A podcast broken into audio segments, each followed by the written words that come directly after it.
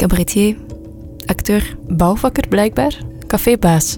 cafébaas, schoonmaker, leraar, sociaal werker, museumgids, bankbediende. Ja, jij dacht eh, dat hij een heel druk hoofd had. Ja, inderdaad. En ik vermoed dat nog altijd. En dat dat ook de reden is waarom hij zo goed is geworden in het vinden van stilte in zichzelf. Omdat het moet. Dat dacht ik. Ik weet dat heel veel van de goede dingen die ik heb meegemaakt, of die ik meemaak, eh, komen voort uit een staat van zijn waarin stilte aanwezig is. Dus, en er zijn heel veel verschillende manieren om mij daar naartoe te brengen. Je luistert naar Stilte Ruimte. Een podcast waarin we op zoek gaan naar stilte en rust. En in deze aflevering spraken we met Wim Helzen. Eh, dus ik was verhuisd en ehm, voordien woonde ik samen met eh, mijn gezin en dan ben ik alleen gaan wonen en drie dagen was ik nog in het oude huis en de andere dagen woonde ik dus alleen. En ik dacht, ik ga hier geen wifi ehm, vragen, want ik wist uit ervaring dat dat mij uitnodigt om toe te geven aan verslavend gedrag. Verslavend gedrag dat volgens mij bijna iedereen die nu hier in deze tijd leeft wel kent. Ehm,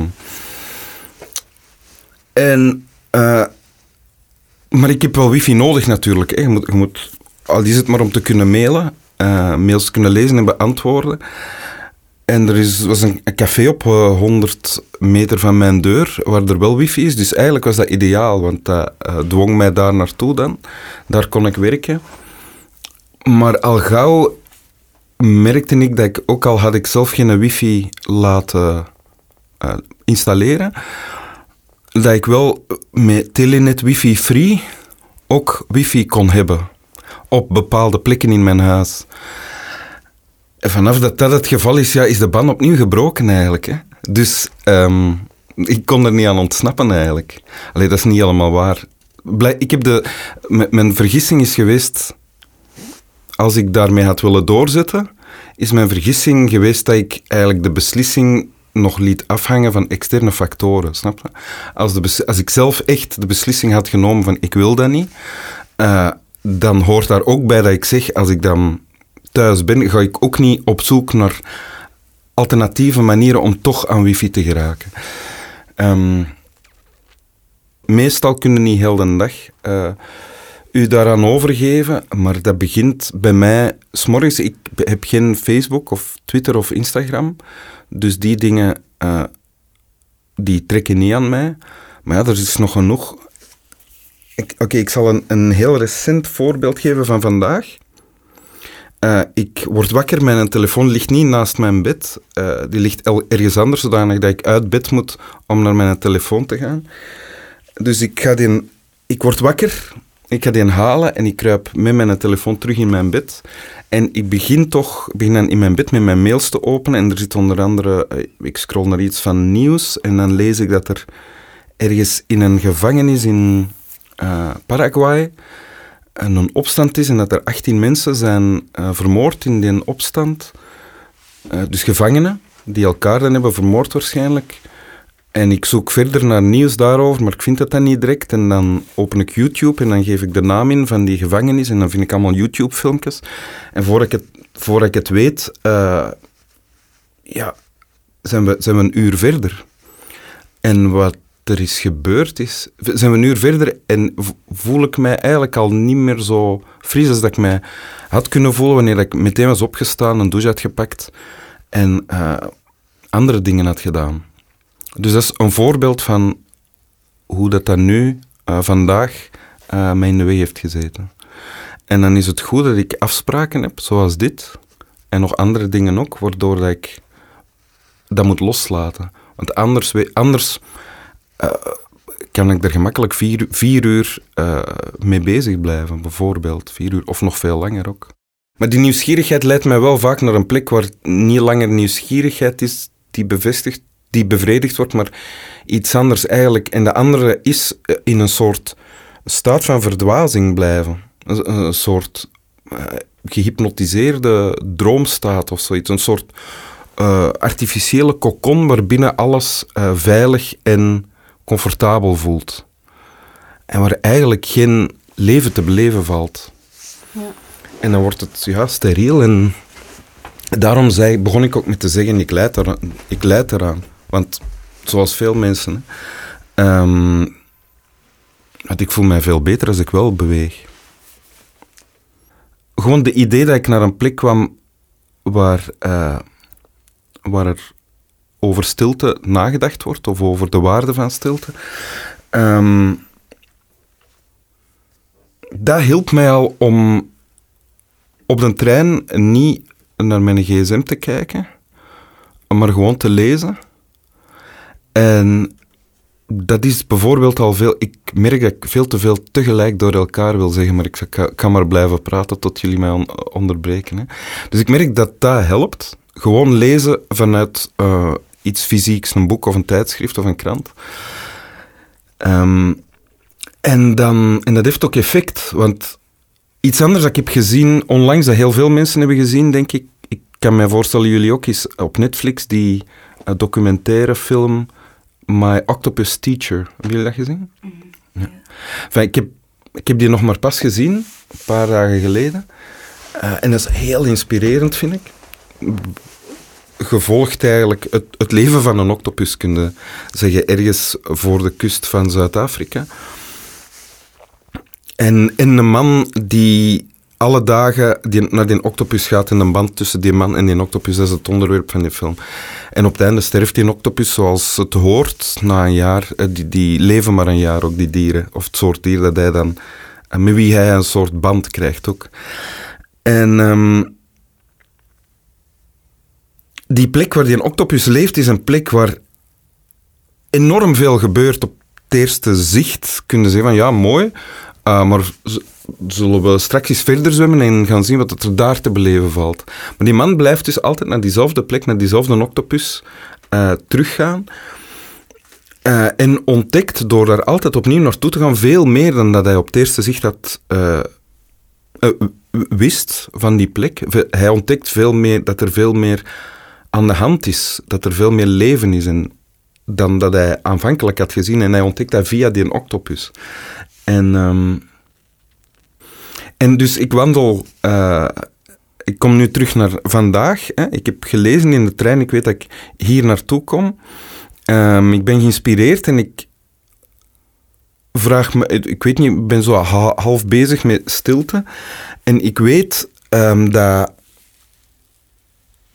dat het kan lukken en dat kan ook bij iedereen volgens mij. Dat het belangrijkste is dat het niet de stilte rondom mij, zoals op een stilteplek of in een bos, uh, dat je die zou kunnen ervaren. Plekken die uitnodigen uh, om naar binnen te gaan. Maar dat dat eigenlijk overal kan. Dus ik wandel het station uit en um, ik heb dan niet de normale route gepakt die ik zou nemen van aan Noordstation naar de KVS. Maar um, een beetje een andere route door eigenlijk zo die, die wijk met al die hoge gebouwen, waar dat ze dan... Die, die schrale, steriele kantoorgebouwen, waar die, die, lijkt zo iets, iets bedacht op een tekentafel, maar niet voor mensen. En uh, er was heel veel lawaai, omdat er werd afgebroken en gebouwd met drillboren en wat weet ik allemaal. En tegelijkertijd was er ook wind. En uh, ik, kon mij, ik, ik kon mij voorstellen, of ik ik stelde mij voor hoe het was voor die octopus om in dat plekje van een oceaan te leven, waar dat hij leefde. En dat ik door de stad wandelde zoals die octopus door zijn water beweegt. Dat betekent zonder enige gedachten eigenlijk. Alert. Uh, en dan zijn er... Dan zijn er eigenlijk allemaal zintuigelijke waarnemingen. Dat is dan wat er is. Er is wind en ik voel die wind op mijn lichaam, in mijn gezicht. Uh, ik hoor geluid, maar dat geluid is niet... Soms wordt, is dat heel veel en dan is dat weer minder. Soms is dat even helemaal weg. Ik kijk, ik zie mensen. Er, er, er zijn, uh, ik krijg impulsen. Bij elke mens die ik zie is er iets... Hè, soms van oei, gevaarlijk oppassen of... of die gaat uit de weg gaan, of weet ik wat. Of, of een oordeel, al die dingen kunnen er zijn. Soms is er alleen maar het zien en verder niks. Um, Dus op dat moment, onderweg van het station naar hier, ben ik een paar keer in een staat geweest waarin het in mijn hoofd helemaal stil was. Uh, en dat ik kon kijken naar wat, wat er gebeurde. In mij en rondom mij. En voor mij ben ik op zo'n op zo'n moment is het stil eigenlijk. En ben ik waar ik moet zijn. En dat nu zeggen tegen jullie helpt mij om dat straks opnieuw te willen doen. Snap je? Dat, dat klonk bijna als meditatie, toch? Inderdaad.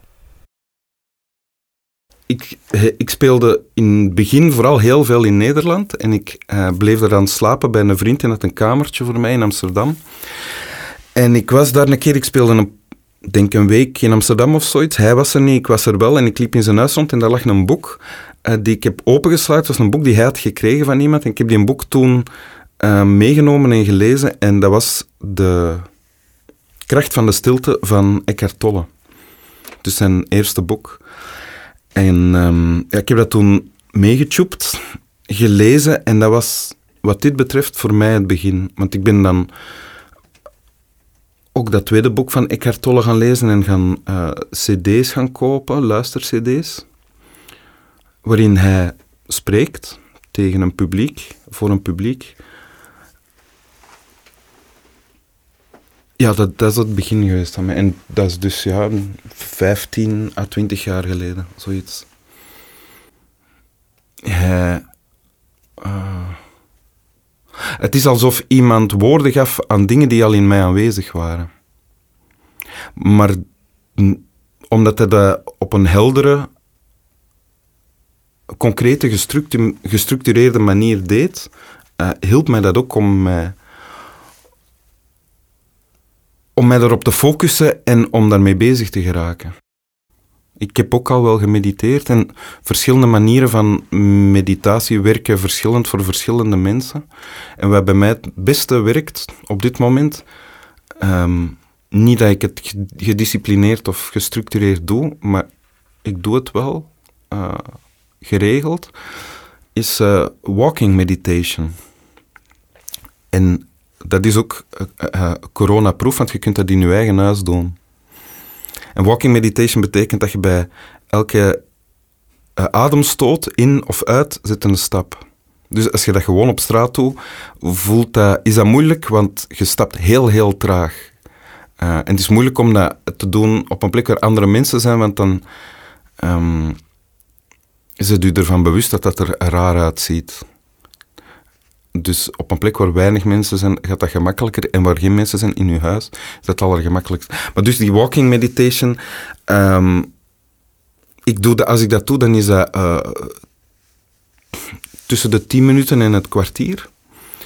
En zoals dat gaat bij meditatie, komen er, zijn er gedachten en gevoelens die, die door mijn hoofd schieten. En ik ga altijd terug naar um, mijn ademhaling of de, mijn voetzolen. Richt mijn aandacht op mijn voetzolen, hoe die bewegen, met een hiel die zich op de grond zet en dan de rest van de voet tot aan een teen. Um, en door dat te doen merk ik dan ook dat ik uh, makkelijker in een staat beland waar dat er rust en stilte is. En als ik dan ideeën krijg, uh, niet noodzakelijk creatieve ideeën over mijn werk, die ook, maar ook gewoon andere uh, ideeën, dan zijn dat eigenlijk meestal ideeën waar ik veel mee kan ook. Goeie, goeie ideeën. Ik moet, ik, ik moet een brief schrijven aan mijn zoon. Ah, ik kan dat en dat erin schrijven. Oh, terug naar mijn voeten. Ja, maar ga ik dat dan wel onthouden? Ja, ja, je gaat dat onthouden. Als dat belangrijk is, onthouden. Ja, dat is waar. Allee, terug naar mijn voeten.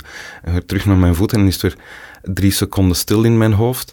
En ik merk dan ook dat het werkt, dat als, als ik de planten in, in mijn huis, als die. Um,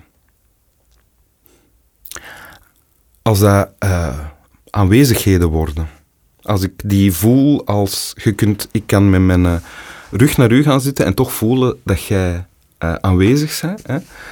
Um, dat bedoel ik met aanwezigheid, dat dat um, individuen worden of zo, die planten, die goeiedag zeggen of zo tegen mij.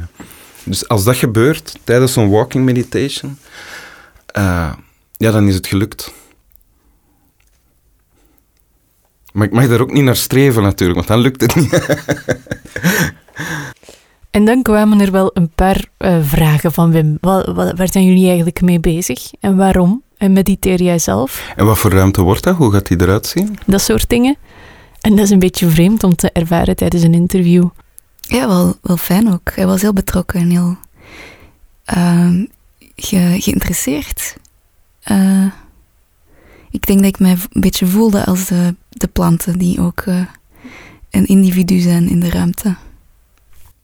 Het is niet zo dat als ik geïnterviewd word, dat ik liefst zo snel mogelijk de rollen wil omdraaien, denk ik. Um, aan de andere kant is het wel zo dat ik mij uh, veiliger en beter voel in de positie van degene die vragen stelt. Dan in de positie waar ik nu in zit. Snap je? Mm -hmm. uh, het is niet zo dat ik mij uh, vanzelf op mijn gemak voel bij mensen. En dat is ook niet uniek. Ik denk dat dat bij heel veel mensen het geval is. En dan hebben wij allemaal strategieën om daarmee om te gaan. Hè. Sommige acteurs bijvoorbeeld die ik ken, die vullen de ruimte met... Die beginnen gelijk iedereen te entertainen en dat is ook wel fantastisch. Of dat kan fantastisch zijn. Um, en die neiging heb ik ook al gehad. Een andere allee, neiging, uh, strategie, er is niks mis er is trouwens niks mis mee, ook niet. Maar een andere strategie, een strategie van mij om mij op mijn gemak te voelen bij mensen is uh, ja, geïnteresseerd zijn en vragen stellen. En dan ontdek ik meestal, eigenlijk bijna altijd, al snel, um, ah ja, die is niet gevaarlijk. Maar dat is eigenlijk toch altijd de, als, als je helemaal in de diepte kijkt, de allerdiepste angst van, uh, ja, dat andere mensen gevaarlijk kunnen zijn. Wat ook een idioot idee is als je het zo, als je het zo uh, woorden geeft, zoals ik het nu doe. Maar is, ik denk dat het daaruit voortkomt. En daarbovenop is er ook... Ja, ben ik ook echt geïnteresseerd in, in andere mensen. Uh. En geïnteresseerd zijn in andere mensen betekent eigenlijk ook geïnteresseerd zijn in jezelf. Want vragen stellen is toch dikwijls ook gericht op uh, punten denk, ik ga ervan uit dat dat bij iedereen zo is, punten vinden waarin, dat, je, waarin dat er herkenning is. En als dan iemand uh, over iets al langer heeft nagedacht of op andere manieren dan ik, ja, dan is er bovenop wat ik nu net allemaal zeg ook gewoon ja, nieuwsgierigheid. Nieuwsgierigheid. En dan moesten we wel de vraag stellen aan Wim of we volgens hem bang zijn van stilte of, of momenten van leegte, omdat we eigenlijk bang zijn van de andere mensen? Um, ik, heb, ik heb daar nog niet echt uh, diep over nagedacht, dus ik ga het nu live doen. Dus dat betekent dat er gepruts waarschijnlijk. Dus ik stel me nu voor. Uh, ja, ik heb iets. Ik, het heeft onder andere het heeft te maken met angst voor afwijzing, denk ik. Stel dat jullie, dat jullie een vraag stellen en ik geef een antwoord dat niet, veel, dat niet lang duurt en dan blijft het stil. Jullie blijven gewoon kijken naar mij. Dan is de kans groot dat ik die stilte, het blijven kijken naar mij, zal, of iets in mij zal dat interpreteren als ik moet nog meer geven. Het is nog niet genoeg. Um, En daarbij komt dan ook, het is nog niet genoeg, het is nog niet boeiend genoeg geweest, nog niet slim genoeg, nog niet, uh, weet ik wat, genoeg. Uh, dus ik moet nog meer doen om jullie tevreden te stellen. Vanaf dat dat soort uh, mengeling van gedachten en gevoelens in mij aanwezig is, wordt de drang om wel te praten groter. Hè. Um, en wat zit er... De, de, de angst is dat het niet genoeg is. En als, het, als jullie als oordeel zullen hebben, het is niet genoeg, dan dreigt het gevaar dat jullie mij, dat dat mij uh, te beurt zal komen te staan als afwijzing. Hè. Meldt mm, viel eigenlijk toch tegen, wat je er meer van verwacht. Als ik dat zo zeg, dan is dat allemaal veel minder erg en is het eigenlijk grappig. Hè? En dat is ook het belang van daar woorden aan geven, denk ik. Omdat dat dan, wat ik nu ondertussen al een paar keer heb gezegd, omdat dat dan te kijk komt te staan, die gedachte. Want als ik naar die gedachte, hè, die ik nu net heb geformuleerd, het is, ja, het is toch niet, het is wat tegengevallen, Debbie Melsen. Stel dat jullie dat al, ten eerste is de, de kans niet groot dat jullie dat zouden denken, als ik er echt naar kijk. Twee, als iemand van jullie dat denkt, of jullie denken dat alle drie, ja, dan is dat ook maar zo. Dat is, wat, wat is daarvan het gevolg? Uh, ja, dat, dat weet ik niet. Daar kan ik ook naar kijken. Daar kun je ook vragen. Je kunt daarin duiken. Oké, wat is dan het gevolg? Um, enzovoort. En dat is leuk om te doen. Dat brengt mij trouwens bij iets. Er zijn, als, ik, als het over mijn werk gaat, er zijn momenten geweest dat ik heel nerveus was voor ik moest spelen. Een voorbeeld van een nerveus moment is, ik heb, ik heb een voorstelling al meer dan honderd keer gespeeld. Soms fantastisch, soms gewoon goed, soms minder goed. En dan komt er de avond aan waarin het gefilmd zal worden. dus er staan camera's in de zaal, het zal gefilmd worden. Komt dan op de Nederlandse tv en daarna op de Belgische tv en daarna op dvd vroeger. Dus het is belangrijk dat het één avond goed is, want als het die avond mijn slechtste uh, prestatie lever, van al die avonden met die voorstelling, dat wordt gefilmd, ja, dat kan niet meer teruggedraaid worden, dat gaat zo op tv komen, enzovoort. Maar dus er zijn veel zenuwen. Wat ik nu al aan het doen ben, is expliciteren wat het ergste is dat kan gebeuren. Maar dat doe ik dan ook. Dus ik doe twee dingen. Ik um, concentreer mij op mijn wens, hoe zou ik willen dat het is, en op het worst case scenario. Worst case scenario is, ik speel slecht, uh, ik krijg niks terug van de mensen, dus ik verlies vertrouwen, dus ik kan nog sneller spelen die wie melden, waarom, waarom gaat iedereen daar naar kijken? Dat trekt gewoon op niks. Um, niet alleen in Nederland, maar ook in Vlaanderen gaan mensen dat denken en voelen en aan elkaar zeggen. En dat is op zich al erg, maar het gevolg daarvan is dat ik eigenlijk waarschijnlijk geen volgende voorstelling meer zal kunnen maken, want er gaat niemand nog willen komen zien. En uiteindelijk kom ik uit bij zo'n nulpunt. Oké, waar ik dan bij uitkom, is dat ik dit niet meer kan doen als job. Maar is dat dan zo erg? Eigenlijk niet, want ik ben pas na mijn dertig begonnen met, met op podium staan. En voordien, het is niet dat ik voordien een slecht ongelukkig leven had. Ik heb voordien ook dingen gedaan die ik graag deed. Dus door dat worst case scenario, dat door mijn angst wordt gedicteerd, door dat, door, door, door dat echt serieus te nemen, en dat doe ik als schrijvend dan, dan blijf ik geconcentreerd bij dat verhaal.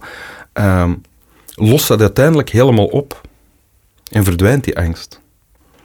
Er gebeurt heel veel. Hè. Ook op een gewone dag, dat je, een gewone zondag, dat je opstaat en croissants eet en dan uh, naar de familie gaat en uh, nog een wandeling gaat maken. Een gewone, rustige, uh, vredevolle dag is er toch van alles gebeurd. Allerhande ja, gedachten en gevoelens zijn gepasseerd. Stel je voor dat, dat je er een gewoonte van maakt om dat ook op, uh, om dat ook op tafel te leggen. En niet zonder daar, me, me, daar drama van maken. Want ik weet, al die dingen die ik nu net beschrijf, hè, die gedachten die ik heb, dat is voornamelijk heel, heel menselijk. Iedereen heeft dat op zijn manier, denk ik. Hoe minder, hoe beter. En ik denk dat ik, op, dat ik gewoon redelijk gemiddeld ben. Uh, maar dat lost elke keer op als je dat kunt vertellen, woorden geven en naar kijken en zeggen van zie hoe idioot is dat eigenlijk allemaal. Dan is dat weg. Normaal gezien laten we aan het einde van elke aflevering de favoriete stilteplek of rustplek horen van onze interviewee. Maar um, daar heeft Wim Helsen ons in snelheid gepakt, vrees ik. Uh, ja, want zijn favoriete stilteplek is zijn eigen hoofd. Ja, daar kan ik heel moeilijk mijn recorder in gaan steken. Dat was... Uh... Maar hij heeft ons een kleine inkijk gegeven ja. van de geluiden die dat daarin uh, in rondhangen. Zo, walvisgeluiden? ja, ik zei daarnet, stilte is afwezigheid van gedachten. Maar het is natuurlijk zo, die gedachten in ons hoofd, soms zijn er, er bestaan van die Hollywoodfilms waarin, waarin je kunt horen wat mensen zeggen. En ik, ik blijf er nooit naar kijken, omdat dat zo onrealistisch is, omdat wij niet denken in volle zinnen meestal. Mm. Die, als ze zeggen van, uh, de, ik, of ik weet als ik ergens wandel of zit, of weet ik wat, en ik word geplaagd door gedachten, dat zijn geen afazinen, dat is een, een mengeling eigenlijk van een, een springen van ijsschots naar ijsschots, van altijd zo een, een bol van gevoelens, uh, dingen die met het verleden te maken hebben, dingen die met de toekomst te maken hebben. Als je opstaat met een liedje, kan dat zo soms een dag lang uh, in je hoofd spoken. Zeker als er zo één of twee zinnetjes uit het refrein uh, terugkomen die je... En verder uh, kende het niet. Onderweg wandelend naar hier, dus in dat stuk waarin ik een paar keer vrij was van, van gedachten, heb ik twee keer een liedje gehoord. En dat was een liedje dat ik gisteren opnieuw had opgezocht. En dat is een, een liedje van uh, Alpha Blondie, een Afrikaanse reggae-artiest. Een heel zorgeloos uh, liedje. Travailler c'est trop dur, et voler c'est pas beau. Demander la charité, c'est quelque chose que je ne veux plus faire. Chaque jour, comme moi je vis, on me demande de quoi je vis. Je dis je vis sur l'amour et j'espère vivre vieux. Hey! Travailler, c'est trop dur. dus als het goed is, dan hoor ik bijvoorbeeld dit. Demander la charité, c'est quelque chose que je ne veux plus faire. Chaque jour, comme je vis, on me demande de quoi je vis. Je dis, je vis sur l'amour et j'espère vivre vieux. Travailler c'est trop dur et voler c'est pas beau. Demander la charité, c'est quelque chose que je ne veux plus faire. Chaque jour, comme je vis, on me demande de quoi je vis. Je dis je vis sur l'amour et j'espère vivre. Travailler c'est trop dur et voler c'est pas beau. Demander la charité, c'est quelque chose que je ne veux plus faire.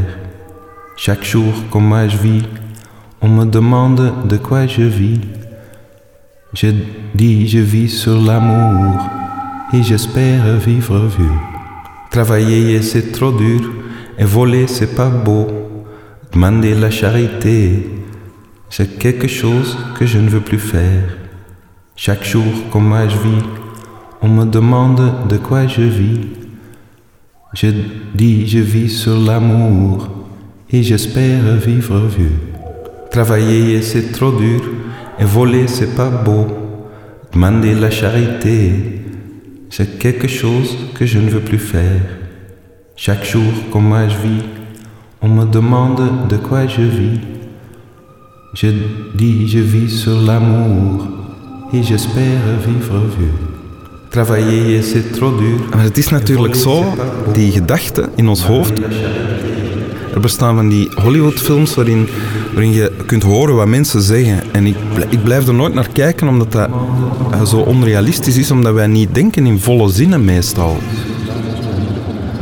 Die, als ze zeggen van, de, of ik weet als ik ergens wandel of zit, of weet ik wat, en ik word geplaagd door gedachten, dat zijn geen affazinnen, dat is een, een mengeling eigenlijk van een, een, springen van ijsschots naar ijsschots, van altijd wel een bol van gevoelens. Uh, Travailler c'est trop dur. Et voler Dingen die met verleden te maken hebben, dingen die met de toekomst te maken hebben. C'est quelque chose que je ne veux plus faire. Chaque jour, comme moi je vis, on me demande de quoi je uh, invloeden van mensen, uh, weet ik wat, oordelen, dit is altijd een soort mengelmoes van, van van alles. Travailler c'est trop dur et voler c'est pas beau.